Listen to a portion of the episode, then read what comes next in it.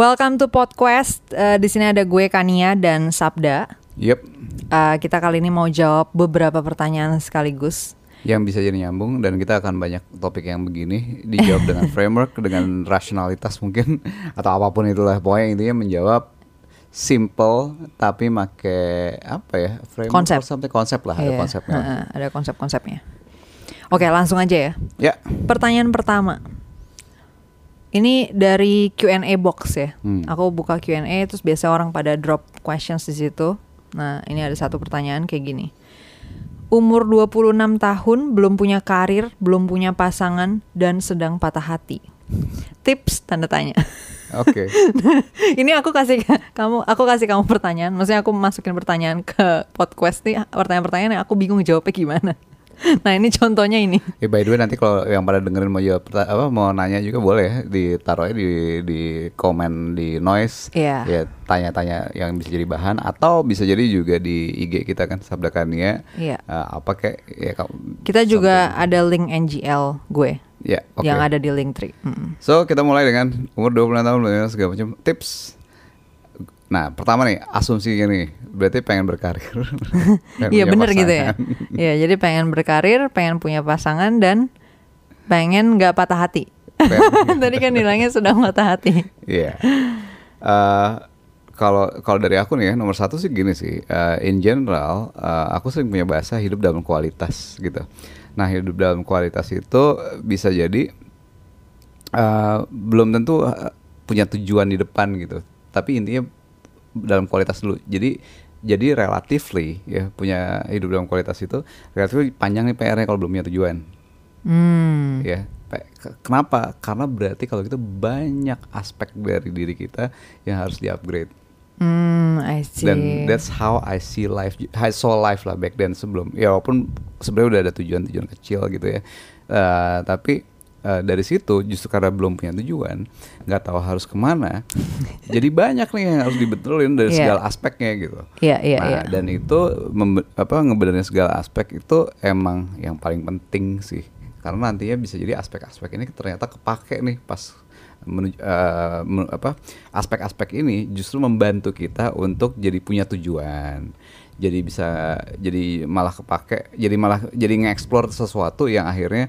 eh, kebentuk jadi tujuannya ke mana gitu loh I gitu see. atau bahkan dari belajar itu semua akhirnya mendapatkan tujuan Contohnya apa sih kalau yang kayak gini? proses Itu. mungkin harus dikasih konkret-konkretnya deh satu-satu.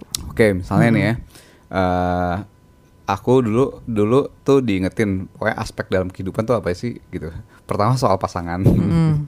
yang selalu diingetin sama mamaku gitu kan soal pasangan nih. Berarti kalau gitu apa harus jadi eh, cowok yang oke lah gitu lah. gitu. Apa sih cowok yang oke? Ya eh, bisa ya of course ya sebenarnya nggak harus cowok juga sih kayak gini mikirnya benar ya kan Mm-mm. ngobrol yang asik gitu kan bisa Hmm. seru lah gini-gini punya skill-skill tipikal skill-skills yang eh, apa ya? Ya musik mungkin dance music apa theatrical all this keasikan ala-ala shit itu gitu kan. Ya. Eh, terus ya of course apa ya kayak punya kemampuan dalam berhubungan dengan orang lain deh efektif with others. Hmm. gitu. Itu udah ya asik lah ya asik eh, work eh, komunikasi apa segala macam yang asik segala macam situ mencakup leadership juga gak sih? leadership yes of course leadership. Ya kayak gitu gitu lah. Dan Iya. certain certain kind of things yang kadang-kadang suka aneh juga gitu kan. Pengen nih, pengen aku gondrong bertato maco lalala sebagai kayak Iya. gitulah gitu ya. Eh, jadi eh, penampilan juga dipikirin kayak gitu gitu ini aspek satu aspek eh, mating game lah ya berkencanan karena karena Perkencanan. perkencanan Eh. karena mama ngelihatnya tuh eh, apa namanya apa ya eh dia mikir bahwa untuk punya hub- pu- punya other part of life yang bagus Hmm. nomor satu itu harus di situnya dulu yang harus eh, aman kalau di situnya aman itu bisa menjadi pendukung ya, Fondasi fondasi gitu ya. yang kuat Mm. untuk hal-hal lain Hal lainnya. Gitu. Dibangun di atas itu. gitu bangun di ya. atas itu itu nomor satu gitu kan Mm-mm. Nah nomor duanya apa pun pekerjaannya, apa pun karirnya, apa pun yang segala macamnya Hmm. harus punya foundational skills yang kuat.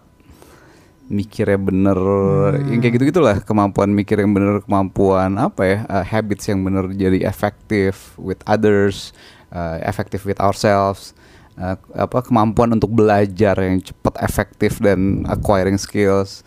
Itu foundational skills nih. Mau apa pun kerjaannya apa pun karirnya apa pun itu itu nih semua penting. Ya. gitu nah baru specific skills nah specific skills nih yang udah mulai ya itu tadi berkarir loh bahasa orang profesionalitas oh, pro, ke mana. pro level ya, professional level professional ya. level Mm-mm. skills gitu Ya kayak misalnya kalau kamu mungkin orang bakal liatnya ya ngajar. awalnya ngoding dulu Ngoding, oh ya, awalnya ngoding ngoding, dulu, dulu, gitu awalnya ngoding terus kemudian ngerti other human being Iya. akhirnya ngajar nih kayaknya nih gitu kan Mm. terus bisnis management leadership marketing sales dan akhirnya jadi makin makin lama makin banyak Iya iya Gitu. iya iya. Oke. Nah, jadi kalau soal yang tadi ya eh, apa segala macam, eh bentar ya, aku lagi ngitung. Eh aku sendiri kan bikin Zenis tuh di umur 25 ya. Kayaknya. Kayak ya di umur 25. Jadi 26 ini enggak belum tentu ya ya tipis lah. aku belum punya karir di umur Iya, segitu iya, gitu. iya. Eh, belum punya karir di umur segitu dan gak jelas pindah dari dari yang tadinya bisnis bisnis ke arahnya ngoding ngoding software softwarean terus tiba-tiba nggak punya tiba-tiba jadi guru starting jadi guru umur 25 gitu so Hmm. basically I started my career di umur 25 sih kalau ini 26 ya masih beda setahun doang Iya, jadi nggak masalah sebenarnya. Maksudnya nggak nggak sebenarnya ya bahkan buat kamu aja ya itu cuma beda setahun. Kamu juga baru Exactly. mulai ya Itu- 25 gitu ya. iya, itu beda setahun Iya, nah iya. cuman yang yang aku nggak tahu dari pertanyaan itu adalah accumulation of knowledge and skillsnya gitu Mm-mm, di titik umur 26 ini dia punya apa nih modalnya gitu ya. Yes, Iya itu dia. Hmm. Jadi akumulasi of skills ini kayaknya buat semua orang deh terlepas dari karir belum nemu apa segala macem itu di, di digarap dulu aja gitu, digarap dulu nih ya itu foundation apa uh, basic human skills. Iya, foundational skills ya critical Iya. thinking, thinking skills lalala itu dibanyakin eh, dulu terus itu kepake ke mana-mana kok nantinya gitu loh. Itu kepake ke mana-mana eh, ke mana-mana mau jadi pro, ya aku ngalamin ya eh, all this thinking skills lalala mau jadi programmer bikin software pun kepake mau jadi guru pun kepake. Mau jadi di bisnis dan manajemen skills pun kepake. Ke marketing sales pun kepake. Ke PR gitu kan kepake. Product development segala macam kepake lagi itu semua foundational itu akhirnya kepake everywhere. J- jadi eh, apa yang bikin kalau dibilang ada aku jago di sini di situnya ya basically karena foundation yang kuat aja sih. Nggak spesifik ke skill ngajarnya apa Iya. tapi foundationalnya Kadang-kadang tuh tapi orang kalau misalnya dikasih tahu gini, ya kalau kita kan biasa nyebutnya fundamental skills lah ya. iya. Kadang-kadang tuh masih banyak yang kayak rada-rada ragu tau, maksudnya nggak percaya kalau itu sepenting itu gitu. Bahwa em, bahwa lebih penting belajar skills yang kalau dalam bahasa orang praktikal gitu. Kayak Eh, belajar ya itulah eh, programming. kita susah nunjukinnya kalau sekarang. asik. Kita susah nunjukinnya sekarang. Tapi aku sering banget ngeliat ya misalnya programmer lah, ya. Programmer aku bisa ngeliat ya kok hasil kodenya nih, gitu hasil kode-kodenya nih. Set set set ini pasti si ini nih yang bikin nih. Berantakan aja Oh. tuh. hasil kodenya tuh mencerminkan otaknya. Otaknya, gitu. oke. Otaknya berantakan nih kodenya juga berantakan juga Oke, gitu. oke. Dan cara mikirnya ya lagi-lagi ke sana juga. Dan itu eh, ngaruh ke kualitas kerja gitu maksudnya. Ih, jauh maksudnya lah, gitu. kerjaan dalam artian codingan itu Iya, ngaruh misalnya banget ya ini ada, ada, ada beberapa prinsip gitu ya. dasarnya ngeliatnya. Satu, ya kan, seberapa kebacanya dulu deh kode karena nantinya kan si kode-kode ini akan dibaca sama orang lain, orang lain yang benerin segala macam. Seberapa asik dia sih? Ya, Kode itu kan basically tulisan dalam bahasa mesin lah dalam ya. ya dalam bahasa Simpelnya, komputer lah ya, dalam bahasa yang yang komputer. rada Hmm. manusia juga sebenarnya Iya, iya. ya kan seberapa kodenya dia bisa dibaca sama manusia Nah, lain sama aja kayak tulisan biasa dalam bahasa Inggris atau bahasa Indonesia itu kan ada tulisan yang bisa dibaca dan ada yang enggak gitu ya. Nah, ini ya Tulisan readability. codingan Readability juga dulu. begitu gitu ya. Readability-nya nih. gitu. Kedua, gimana dia nge-breakdown proses-prosesnya itu kecampur aduk nggak segala macem. Jadi Hmm. eh, fungsi ada ada dia punya target A gitu ya. Dibikin pecah jadi beberapa fungsi. Fungsi ini tujuannya apa? Tujuannya itu yang Jelas. berbeda jelas Heeh. nih modularitasnya Nyambung nyambung, dengan ini ya, Ah, ya, inputnya tujuan, clear segala heeh, macam. Berikutnya besarnya. aku biasanya ngukur efisiensi gitu efisiensi dari kodenya ya pendek nggak usah ribet-ribet Hmm. kusut gitu kan kelihatan otaknya kusut nih kalau kodenya ribet gitu nah efisiensi dari sisi code line of codesnya Iya. Berikutnya efisiensi dari operationnya optimization. Karena kode bisa jadi mengerjain suatu task suatu fungsi satu detik ada cara nulis yang nggak bener bisa jadi 30 detik atau satu menit untuk jalanin satu fungsi yang sama. Ini kan wak wow gitu kan. Ya, misalnya kalau nggak ngetes uh, how Iya. the machine works on it. Nah kayak gitu aja itu gampang kelihatan. Aku, aku bisa ngeliat nih ajak aja orang ngobrol gimana cara approach how they see problems nge-breakdown problems solving problems segala macam aku bisa kebayang kodenya bakal Codingannya bakal kayak gimana. codingannya bakal gimana. itu sering banget Oke, terjadi. oke. that's one thing gitu kan. Iya. product management juga gitu. Manajemen deh bikin project how to break down problem statement apa? How to define the problems. How to see a problems. And then peta realitasnya gimana? Foundation, fundamental skills kan itu kan? Cerdas cara asik kalau di jenis gampang gitu lah. Bagaimana melihat masalah kemampuan mereka melihat masalah segala kerjaan apa pun pasti define dulu the problem Iya. Iya kerjaan kan Nah. pada ujung-ujungnya solving problems ya. Iya, problemnya apa? Iya. Clear. Tahu kenapa ini masalah. Why is it a problem? Kemampuan koneksi sama tujuan, Tujuan. lebih besar, ya kan? Peta realitasnya kayak apa? Kalau nggak bisa baca peta realitas dengan akurat ya, ya wow. Iya. Nanti lihat problem Bukan- salah, iya. salah segala macam kan. Bikin solusi juga gitu, Bikin bukan solusi, nyelesain iya. masalah malah bikin masalah baru lagi. Ya, Iya. Kalau technical skillsnya mostly gampang sih, ya. Even data science yang kata orang susah, I can teach people data science easily gitu loh. Ya, asal otaknya udah bener dulu gitu. Asal Iya. otaknya foundation udah bener, udah ngelihat masalahnya. Jadi fundamental skills nih eh, sebenarnya ini sekaligus tips buat karir dan pasangan juga gak sih? iya, ke ke mana pun. Iya ke mana pun ini harus benar dulu nih ya. Yes, Iya. Iya, bahkan ya kayak kayak marketing PR gini-gini gini fundamental skills lah. Ya kayak kalau nggak bisa mendefine dengan tepat problemsnya, ininya, peta realitasnya, terus kemudian salah satu dari fundamental skills kan communication ya, Ver- Iya. verbal akurasi, asik ya, asik itu fundamental skills bagi kita. Bagaimana ngerti nih kalau denger ini orang akan merasa gimana.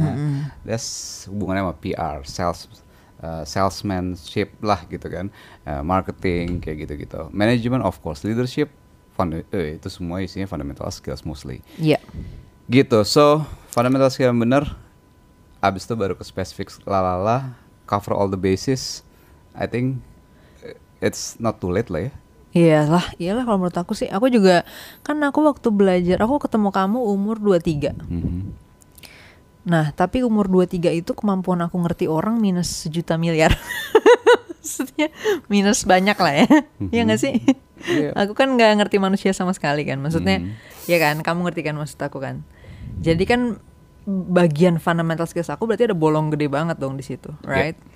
Nah, aku baru mulai belajar di umur 23 itu. 24 lah mulai serius. Ya 24 lah ya mulai 23 serius. aku diagnostik dulu. Iya. Dan sampai sekarang aku umur 27 belum selesai juga minusnya maksudnya masih Membaik, banyak. Ya membaik still. tapi masih banyak kan, masih belum selesai kan. Dan ya kenyataannya dengan aku sambil mengisi kebolongan itu yang gede itu eh, udah improvementnya itu udah berdampak ke bagaimana aku misalnya ngonten gitu kan. Hmm. Jadi secara langsung berdampak ke misalnya seberapa konten aku bisa engaging, seberapa konten aku bisa dimengerti orang. Dan hasilnya kelihatan dari misalnya komen-komen orang dan seberapa banyak orang yang bisa menikmati konten aku kayak gitu. Kayak tadinya misalnya aku cuman bisa dimengerti mungkin 1000 2000 orang, ya sekarang udah bisa lah let's say 100 ribu 200 ribu orang udah bisa menikmati Ya, gitu kan Oke. ngerti kan kayak itu contohnya bahkan itu aja eh, di mana kebolongan aku belum selesai sebenarnya nih aku tambel tapi maksudnya dengan improvement di situ udah berdampak langsung ke yang kata orang karir lah ya maksudnya kayak dunia praktikal gitu kan ya kenyataannya basisnya tetap balik ke fundamental skills lagi gitu Ya. Dan untuk specific skills ya bisa jadi karir awal selain fundamental skills pilih satu specific skills saya dulu. Nggak usah banyak-banyak ya, Satu aja dulu ja- satu jago di situ. gitu. apa gitu Terus kalau misalnya ternyata nggak suka, gampang kok pindah-pindah. Serius, specific skills kalau aku aku ya aku, uh, personally I can say that aku punya specific skills di ngoding, of Hmm. course. Ngoding itu banyak turunannya, ada data science lah, apa segala macam, ML engineering, lalala, backend, lalala, database, lalala, gitu lah banyak lah. Hmm. Itu juga yang kaitan dekat dengan itu product management, ya kan, product product development lah gitu-gitu. Iya. Ya, abis itu dengan skill itu sendiri aku with the fund cuman fundamental skills doang aku punya skill ngajar jadinya nggak ada tambahan-tambahan aneh-aneh tentang Iya. ngajar Eh, ngajarnya juga banyak lebih bisa spesifik kan ke sini ke sini ke sini ke sini nanti kalau dua itu digabung jadi attack gitu kan, Ya kan? kemampuan Iya, iya. ngajar dan komunikasi lalala turunannya bisa ke marketing ke marketing lalala content making segala macam sosial media lalala PR sales dan ya pokoknya uh, satu specific skills terus uh, ya for now ya untuk zaman sekarang kayaknya specific skills nggak terlalu sulit kalau fundamentalnya udah bener Oke. nggak sulit levelnya berapa nggak sulit Eh, aku pernah ngajarin jadi programmer beneran jadi cukup jago gitu ya dalam waktu enam bulan gitu kan itu termasuk skill yang termasuk paling sulit loh gitu kan Iya. gitu so ya Hmm, nggak Yang penting jadi fundamentalsnya udah solid banget Yo. dulu ya. Iya. Aku sendiri juga sebenarnya ngerasain gitu sih. Bahkan dalam kondisi fundamentalsnya masih ada yang bolong aja. Iya. Eh, aku udah ketolong Ya, emang banget sih. harus sempurna gitu Ha. cukup kuat lah cukup kuat untuk acquire double satu untuk acquire new skills cukup. Mm-mm. Iya. alright Oke, eh, untuk itu tadi kan ya udah tips punya karir, punya pasangan itu dulu berarti ya, tetap Hmm. ya diberesin fundamentalsnya. Nanti bagian specific skillsnya ambil salah satu itu untuk karir. Kalau untuk punya pasangan, hmm, Iya fundamental yang benar juga Fundamental yang pakai framework pasti- CCA iya tetap dibutuh. Ya itu ya kuncinya gitu ya. gampang Iya. juga jadi Tapi untuk detailnya kayak sering-sering dengerin kita Iya. aja. Kalau kita bakal bahas sih berbagai macam kasus lah ya di berbagai macam episode. Jadi ini nggak bisa semuanya dibahas di sini. But ya anyway, big picture-nya itu dulu tipsnya. Yep. Eh, ini untuk semua yang lagi di apa ya persimpangan jalan, yang lagi dalam dilema, quarter life crisis quarter life crisis. Eh, please banget kalau misalnya masih eh, apa namanya belum selama ini belum pernah menggarap bagian fundamentalsnya, trust us, that matters Iya. that much. banget banget Iya. Oke, lanjut. Ini nanyanya ke aku sih. Hmm. Lu pernah gagal mencapai tujuan lu nggak kak? Hmm. Nah, terus pertanyaan berikutnya, kalau pernah, gimana cara lu menghadapi kegagalan itu? Nah, tapi aku ngerasa ini bisa ditanya ke kita berdua harusnya. ya udah kamu dulu yang jawab Oh, aku duluan ya. Dan aku tadi mau ngelempar ke kamu. Eh, pernah gagal mencapai tujuan. Nah, jujur ya, kalau aku tuh sebenarnya agak eh, agak apa namanya curang ya. Maksudnya agak curang dalam artian karena aku dulu nggak pernah punya tujuan. Mungkin in a way karena takut gagal juga kali ya. Hmm. Jadi aku waktu dari kecil gitu kan ya aku punya tujuan dari mama aku ya lebih kayak Kania nilainya harus bagus gitu kan harus ranking satu terus gitu gitu itu tujuan dari mama aku Hmm. nah kebetulan kalau untuk ranking satunya pernah gagal sekali waktu Hmm. aku kelas 2 SMP ya waktu itu. Sekali doang gagal ranking satu gitu. Iya. Oke. ya tapi kan gagal kan? Eh, iya gagal. Kalau ditanya gimana menghadapi kegagalan itu waktu itu aku aku ranking 3 deh kayaknya. Hmm. jadi lumayan sebenarnya dropnya nggak cuma satu nggak cuma satu rank doang maksudnya nggak cuma jadi ranking 2 tapi ranking 3 gitu. Eh, dan aku cukup dimarahin juga ya by the way Hmm. sama mama aku. Eh, gimana menghadapi kegagalan itu jujur itu adalah kegagalan yang aku pilih untuk aku hadepin. Maksudnya untuk ya udah aku udah tahu aku bakal gagal nih gitu. Kenapa aku bisa tahu aku bakal gagal? Karena eh, aku secara sengaja eh, banyak kebanyakan main. Jadi secara sengaja mengurangi mengurangi porsi eh, belajar ngerjain tugas dan lain sebagainya yang selama selama ini sebelum sebelumnya maksudnya aku kerjain gitu. Yang mana aku tahu itu adalah kuncinya Hmm. untuk ranking satu gitu loh dan jadi aku udah tahu kalau aku nggak melengkapi semua cek apa boxes itu yang harus dicek. Untuk ranking satu aku udah tahu bahwa kemungkinan besarnya aku bakal turun nih rankingnya gitu. Nah karena itu kegagalan yang aku pilih bagaimana menghadapinya sih ya nggak ada apa-apa ya. Maksudnya udah aku udah tahu bahwa it's gonna happen anyway gitu kan. Paling tinggal gimana aku ngadepin mama aku. Ya abis itu aku dikurung sih di kamar gitu nggak boleh main atau apa ya udah aku terima konsekuensi itu. Ya memang tapi aku ambil sebagai trade off untuk aku bisa main lebih banyak gitu. Nah itu gagalan yang pertama ya dalam konteks aku akhirnya nggak ranking. Tapi itu tujuan dari mama aku. Eh, berikutnya lagi adalah mungkin pada saat ya ini gimana ya?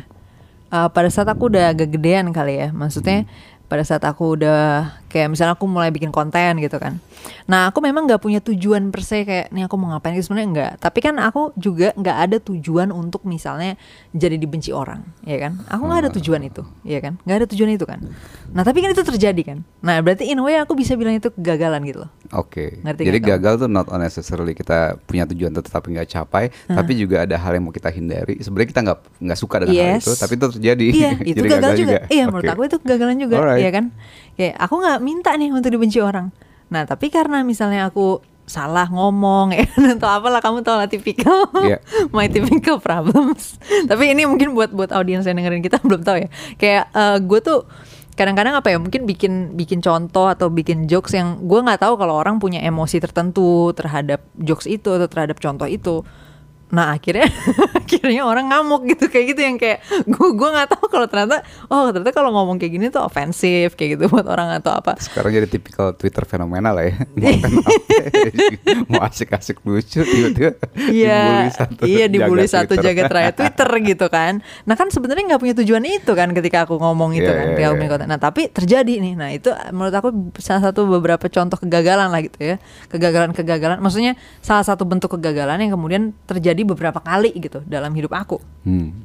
Nah tapi eh, kalau dalam konteks kayak tujuan benar-benar kayak gue mau bikin konten ini buat dapat misalnya sejuta followers atau apa gitu nggak pernah ada sebenarnya sebelumnya karena aku nggak pernah punya target-target seperti itu. Nah mungkin salah satunya juga karena aku takut gagal karena aku di training sama Tiger Mom yang yang nggak boleh gagal gitu Kalau kan. gagal udah fatal gitu. Iya kayak gitu kan. Nah Oke, jadinya oke. aku ada ada ya jadinya ada mentalitas yang sebenarnya nggak sehat juga menurut aku di situ ya. Alright. Yang akhirnya aku baru Nice. berubah belakangan gitu bahwa oh eh, enggak ternyata enggak dong eh, enggak ya maksudnya kita justru eh, kalau misalnya kita nggak punya tujuan karena maksudnya ya karena kita takut gagal gitu ya berarti ada ada ketakutan-ketakutan yang nggak nggak sehat lah gitu buat buat dijaga buat disimpan gitu di dalam mental aku gitu kan Hmm. Nah, jadi kalau sekarang aku udah lebih uh, bukan cuman bukan cuman keberanian mem- membuat tujuan dan mencoba untuk mencapai suatu tujuan, tapi juga keberanian aku dalam konteks uh, menyampaikan suatu pendapat yang yang bold atau yang yang dalam Beresiko. artian beresiko juga aku sekarang udah berani beneran gitu loh. Iya, iya. Maksudnya bukan kayak aku dulu. Kalau aku Iya. dulu kan nggak tahu Iya. atau beresiko. aku nggak tahu kalau orang bakal ngamuk atau apa kan, ya kan. Jadi aku bukan berani sebenarnya kalau waktu itu. Iya, lebih ke arah Ya. apa ya? Dudulnya ignorant. Iya, tapi sebenarnya aku pengecut gitu loh waktu itu gitu. Ya aku pengecut dari dua sisi di situ. Aku nggak punya tujuan dan yang kedua, aku melakukan sesuatu bukan karena tahu resiko, tapi karena aku Nggak tahu ngerasa resiko. ya mana-mana aja nih gitu. Nah kalau sekarang uh, pertama aku udah berani untuk punya tujuan, aku buy in the mission yang tadi kamu udah sempat sebut-sebut juga. Kita pengen membuat masyarakat yang lebih cerdas, cerah, asik gitu kan. Aku pengen punya tujuan itu, aku punya target-target itu dalam segala yang aku lakuin, konten-konten aku apa segala macam, semuanya targetnya ke sana. Uh, dan then yang kedua, Oke. aku juga udah lebih berani dalam konteks uh, aku bisa mengkalkulasi lah risiko-risiko sosial dan memilih menyampaikan sesuatu dengan mengetahui risikonya gitu. ya. itu sih kalau dari aku uh, itu tadi gimana menghadapi kegagalan dan ya pengalaman gagal yang pernah aku alamin. Sekarang dari aku. Ya. Kalau dari aku, kamu bisa nebak nggak kira-kira apa? Gagalnya Ya. eh apa ya? Kamu melihat kalau relationship itu kamu anggap kegagalan nggak? Ya bisa segala macam. Yang aku yang aku tahu sih paling mungkin relationship kali ya. Oke, sebenarnya gini. Hmm. There's nothing in my life yang bukan kegagalan. Jadi semuanya kegagalan. Semuanya ya? kegagalan. Contohnya. Iya, semua kegagalan. Nah, nih frameworknya beda, eh, totally opposite sama kamu. Oke. Kamu nggak punya tujuan, jadi nggak ada yang bisa digagal Iya, gagal dong. iya. Aku segalanya tujuannya ekstrim. Oke. Jadi segala macam yang nggak 100% targetnya Nggak tercapai. cuma tercapai 90% gagal, Gagal, dong, iya. ya kan? Iya. Nah, tapi konsekuensi dari itu yang kedua buat kamu adalah ada yang kamu hindari, Iya. tapi eh, ta- ada yang kamu nggak suka ada, tapi Iya. terjadi dan ka- kamu anggap itu gagal. Iya. Kalau aku justru sebaliknya dari tadi kegagalan-kegagalan ini ada hal-hal yang tercapai yang orang anggapnya sukses. Tapi buat kamu itu gagal. Yes, itu byproduct of me trying to achieve my goal, Oh, tapi iya. nggak kesampaian gue. Nggak kesampaian. nggak sampai 100% lah gitu. Iya, tapi iya. 80% doang. Oke. 80% itu dianggap sama orang Kesuksesan. kesuksesan. Oke. Oke, oke. Ini ada contoh-contohnya. Iya. Iya, contoh misalnya gini. Oke. eh, apa ya? I lead my life dengan emang di jadi gini, trainingnya adalah set the goal is so high ya, set the bar so high. Iya. Dari kecil dibiasain untuk kayak gitu. Iya kan? Jadi di kayak kayak mama juga pernah namanya mah kalau su- sukses aku tanya, "Mah sukses tuh apa kira-kira gini?" Ya menang Nobel lah gitu. Standarnya segitu gitu. Jadi kalau nggak menang Nobel ya gagal. Tapi kalau menang Nobel the proses intinya adalah terbiasa untuk ngeset the goal so high. And then kalau nggak tercapai ya gagal-gagal terus dong. Akhirnya apa? Kebal terhadap rasa gagal. Akhirnya jadi jadi jadi santai aja gitu kalau gagal. Jadi kalau ditanya bagaimana menghadapi kegagalan tuh kamu gimana berarti? Kan tadi kan berarti banyak nih kegagalan yang kamu uh, alamin. Iya, pokoknya awalnya sedih apa kayak gimana sih ada, ada suatu ekspektasi tinggi nggak tercapai sedih sedih sedih lama Iya. sering banget nih kan kecewa kecewa kecewa lama-lama jadi biasa kebal gitu. Oke. Jadi contoh misalnya gini, eh ya ini ini ini my personal ini aja aku jarang nyebut sih. Misalnya contoh waktu mau masuk ITB gitu.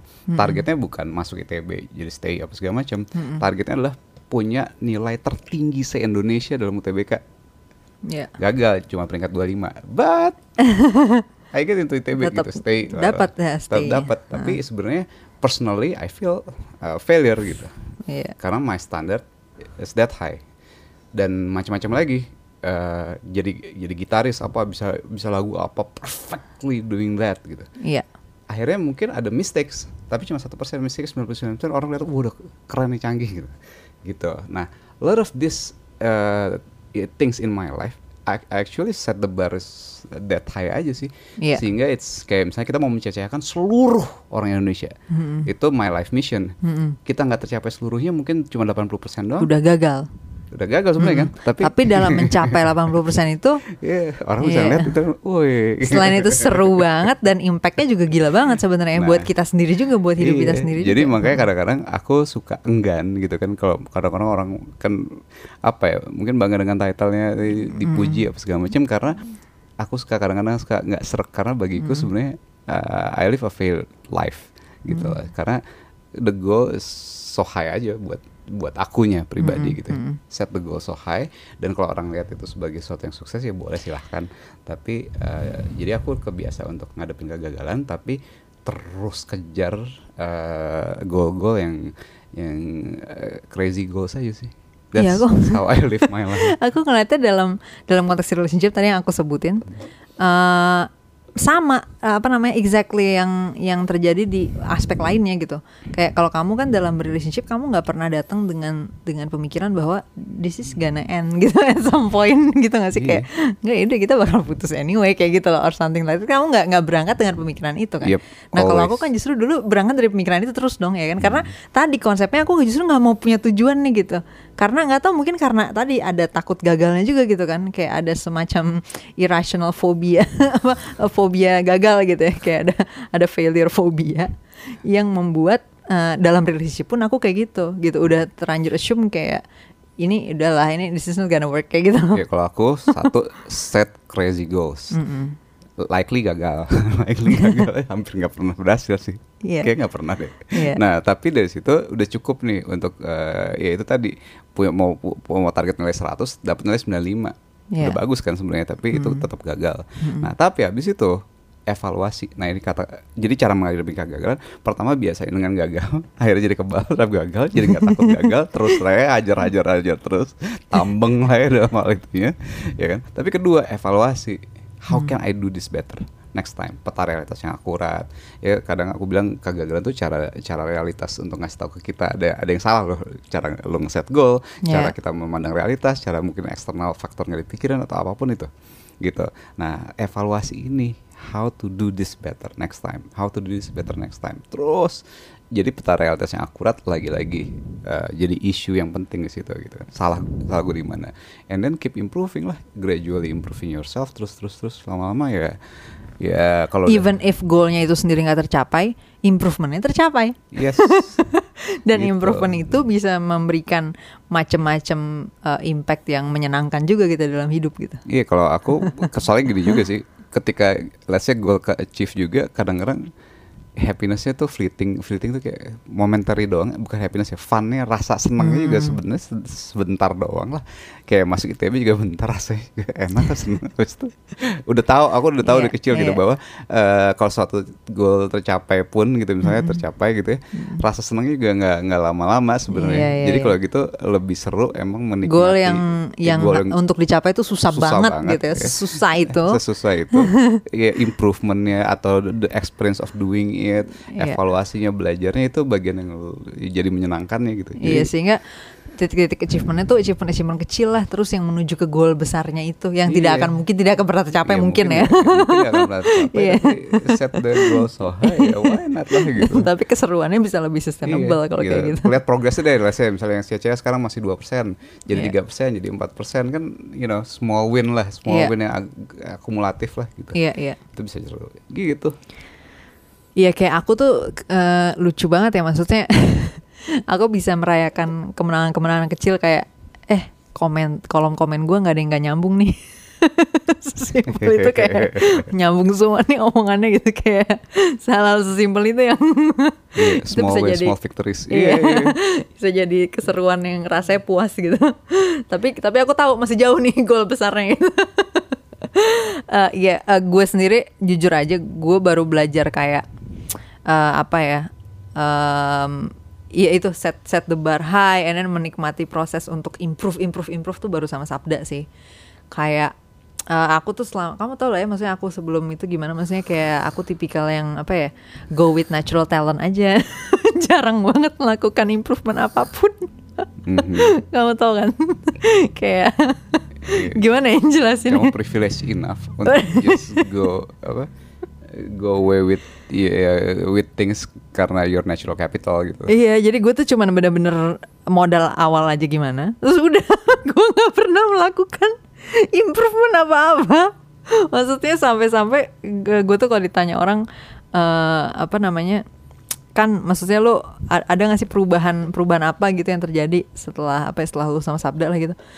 Jujur buat gue yang paling signifikan banget kerasa adalah gue jadi berpikir sih.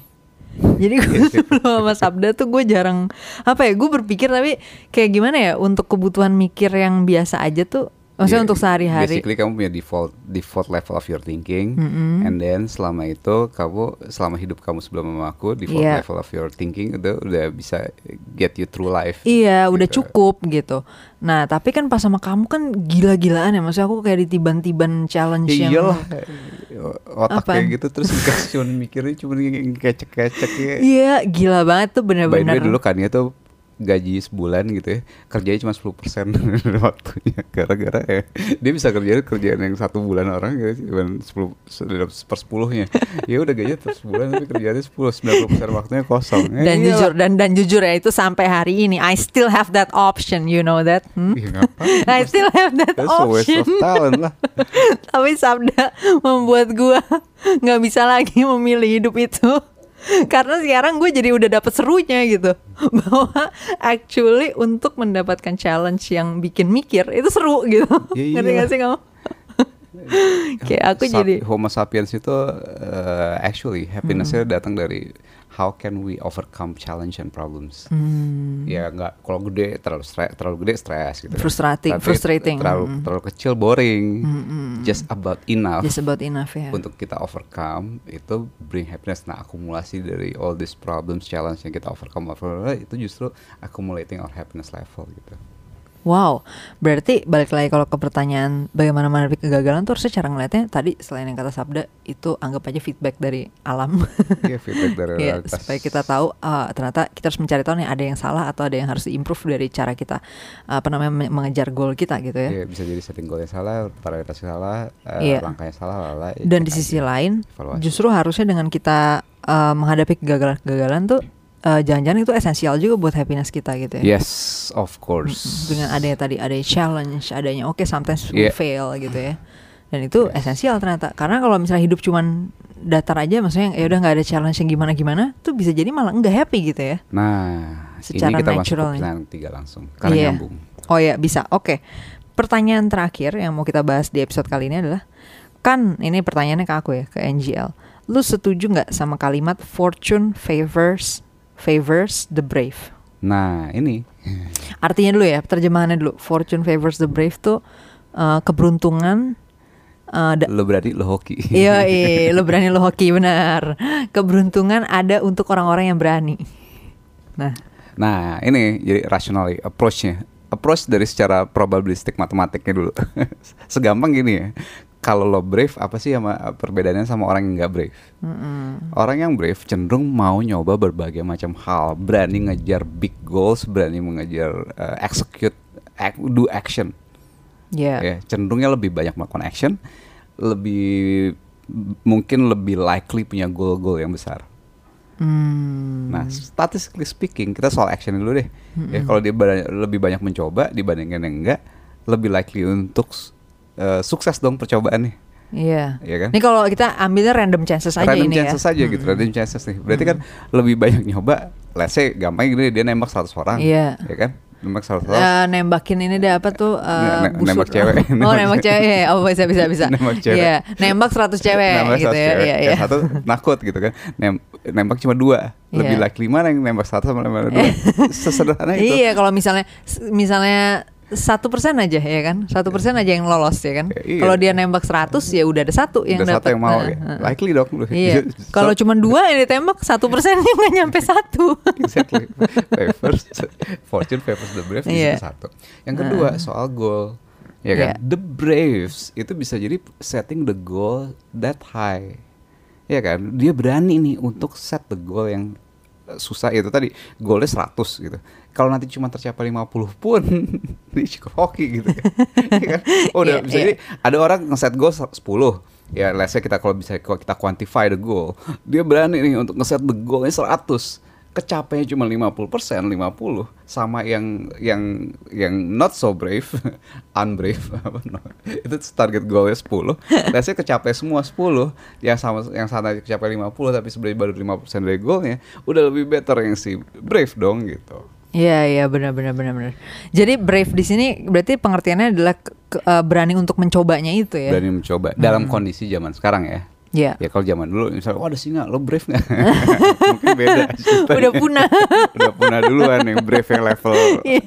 level ngedumel sama singa gitu kan. Ada danau ya, ada buaya. Oke nyemplung. Oke, lo berani nggak lo nyemplung berenang bareng buaya ya silahkan. gitu itu sih bukan Yang fortune ya. Brave. itu namanya extinction. extinction favors the brave. kalau kayak gitu. Ya tapi kalau dalam konteks ini adalah keberanian mencoba itu Iya, Darwin Awards winner. Ya, menambah, iya membuat peluang lo jadi lebih besar Iya. untuk me- me- ya mendapatkan sesuatu lah ya. Iya, jadi uh, breadth of action-nya lebih besar dan kemudian depth of uh, depth of impact-nya juga, ya kan? Iya, tadi yang breadth of action berarti kan berani mencoba banyak. Ya, uh, brave dari sisi goal-nya sendiri juga bisa jadi absurd goals nih yang mereka berani ngeset gitu. Karena mereka brave ya. Kalau orang-orang yang mungkin ya coward istilahnya gitu ya. Eh, ya bisa jadi un- unbrave aja lah. Oh, Karena iya, nggak. kadang-kadang gini. Belum tentu kadang-kadang pengecut belum ya? tentu pengecut. Kadang-kadang dia tapi- nggak peduli aja. Oh iya juga sih bisa juga Iya kan? sih. Jadi aku kalau bilang pengecut, not Iya, necessarily iya. pengecut. Lebih ke ah bodo amat gue mah Bodo mau amat. go with the flow gitu. Mau lebih ke- Iya exactly. Iya, iya, bisa juga Brave ya. kan kayak statement bahwa gue Iya, mau iya, jadi iya. sesuatu yang Iya kalau gitu. Brave dia emang set the goal gitu ya apa mau ke- mau ke mana gitu dan itu karena dia mencoba mencoba itulah akhirnya jadi bisa dapat sesuatu dari situ ya makanya Nah. jadinya keberuntungan berpihak pada dia gitu atau berpihak pada orang-orang yang berani ini gitu ya. Oke, nah untuk terakhir tadi ya, mungkin kita closing barengan sama ini tadi. Hmm. Iya. Eh, eh, apa tadi eh, ada fundamental skill apa sih? Eh, Karir, iya, membangun tips, karir, tips membangun karir kemudian dan- iya. kegagalan dan kemudian fortune favor the brave. I think one of the most important thing adalah kalau dariku sih emang set the goal yang high, it's okay. Biasain kebal dengan gagal-gagal gagal. Biasain, biasain aja gagal, udah, udah kayak tiap hari gagal-gagal kecil, gagal-gagal kecil kayak tiap hari pasti ada gitu kan. Iya. Jadi terbiasa. Nah, cuman memang yang kayak menurutku penting sih ability untuk nggak baper sih. Kadang-kadang kegagalan itu kan identik dengan malu sama orang lain, malu takut dimarahin. Hmm. Tapi aku agak nggak setuju kalau pakai kata nggak baper deh. Karena gini, bapernya ke arah yang mana ya nggak sih? Oke, maksudnya oke, right, jangan right. merasa, ya maksudnya perasaannya yang ke arah malu apa ke orang lain tuh mungkin sebaiknya jangan ya kan. Iya. Tapi kalau ada perasaan sedihnya atau ya sakit hatinya di awal, Kecewa lah, ya, kecewa dengan diri sendiri point. gitu ya. Nggak apa-apa sih sebenarnya awal-awal ya. awal Hmm. lama-lama nanti juga kebal Iya. Iya. lagi. Iya. ya kayak dulu aku awal pas saya SD gitu ya SD mungkin SMP pada kecewa gitu Hmm. nggak nggak perfect Eh, ya dulu mah simple lah ya main gitar Kalau aku sampai sekarang tapi aku, aku malah pernah sampai nangis-nangis lagi aku lagi bikin Zenkor. Iya. gitu ngerti gak sih kamu? Iya. Kayak menurut aku sih kayaknya I think ya. Tapi jujur kalau buat aku personally pada saat aku baper dengan kegagalan, maksudnya pada saat aku benar-benar emang all out sedih dan kecewa sama diri sendiri, aku sih feel more alive ya. jadi jadi ya. buat aku eh, justru itu menjadi bagian dari bagian penting apa ya bagian esensial dari kegagalan karena dengan aku merasa itu lebih kencang lagi ke motivasi buat improve-nya gitu. Iya, iya. Kalau aku paling ting- yang zaman zaman sekarang paling kesel kali ya, bukan Oh, iya, iya. kesel karena iya kesel doang sih. Iya sih, iya, aku juga tapi lebih ke kesel juga. Rest a bit gitu kan, satu setengah jam satu jam tuh biasanya udah kesel misalnya ya kalau aku sih paling cenderung kesel tuh paling banyak tuh kayak main gitar sih Hmm. kayak ya, imperfect banyak masih Iya. banyak imperfect kesel istirahat bentar Iya main- gila, gue nggak ngerti lagi sih. Gue main musik juga, tapi gue nggak punya determinasi yang segila Sabda sih. Sabda kalau latihan solonya Metallica atau solonya siapa yang dia lagi pengen latihan, solonya Dewa ya. susah itu bener-bener kayak gue bisa denger seharian. Kayak 6 jam 8 jam dia mainin part yang sama. Gitu sampai gue gue sampai jadi hafal juga. Gue sampai hafal nada solonya. Karena dia ngulang itu terus. Dan gue nggak pernah selama hidup gue bermain musik gue belum pernah sedetermined itu Iya, I think that's important lah. Iya, iya, iya. The- itu gila sih ya itu maksudnya level. justru itu aku salut banget sih maksudnya itu kebayang banget bahwa kamu memang se eh, gemes itu kalau lagi mau belajar sesuatu ya gak sih makanya tadi Iya. jadi kesel misalnya nggak bisa juga Iya gitu. Iya, iya. So yeah, fortune favor the brave. Try a lot of things. Hmm. Terus im- perfecting the art of perfecting things. Dan itu apa ya bahasanya nggak baperan ya? Mungkin what's the word ya? Apa? Jangan terlalu ya awal-awal emosi nggak apa-apa gitu. Tapi lama-lama kebal kebal anyway.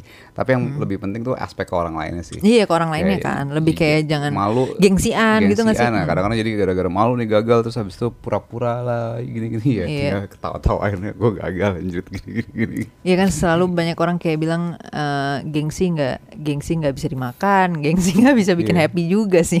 itu yang Ya, paling penting ya.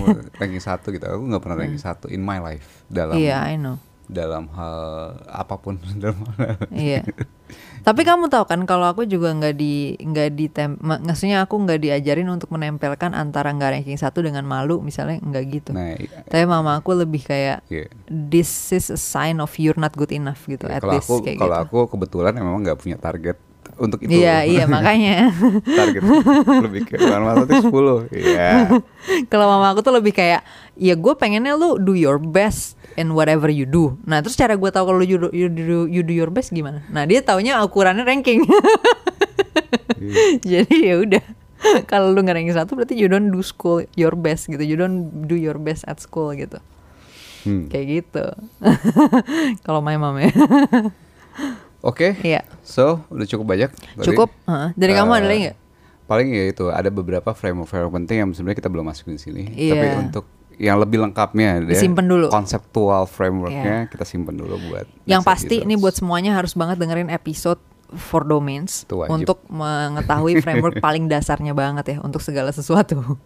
Jadi silakan kalau belum denger dengerin dulu karena kita akan sering banget nge-refer ke situ lagi juga Alright. di episode-episode lainnya. Oke, thank you. Sampai ketemu di episode selanjutnya.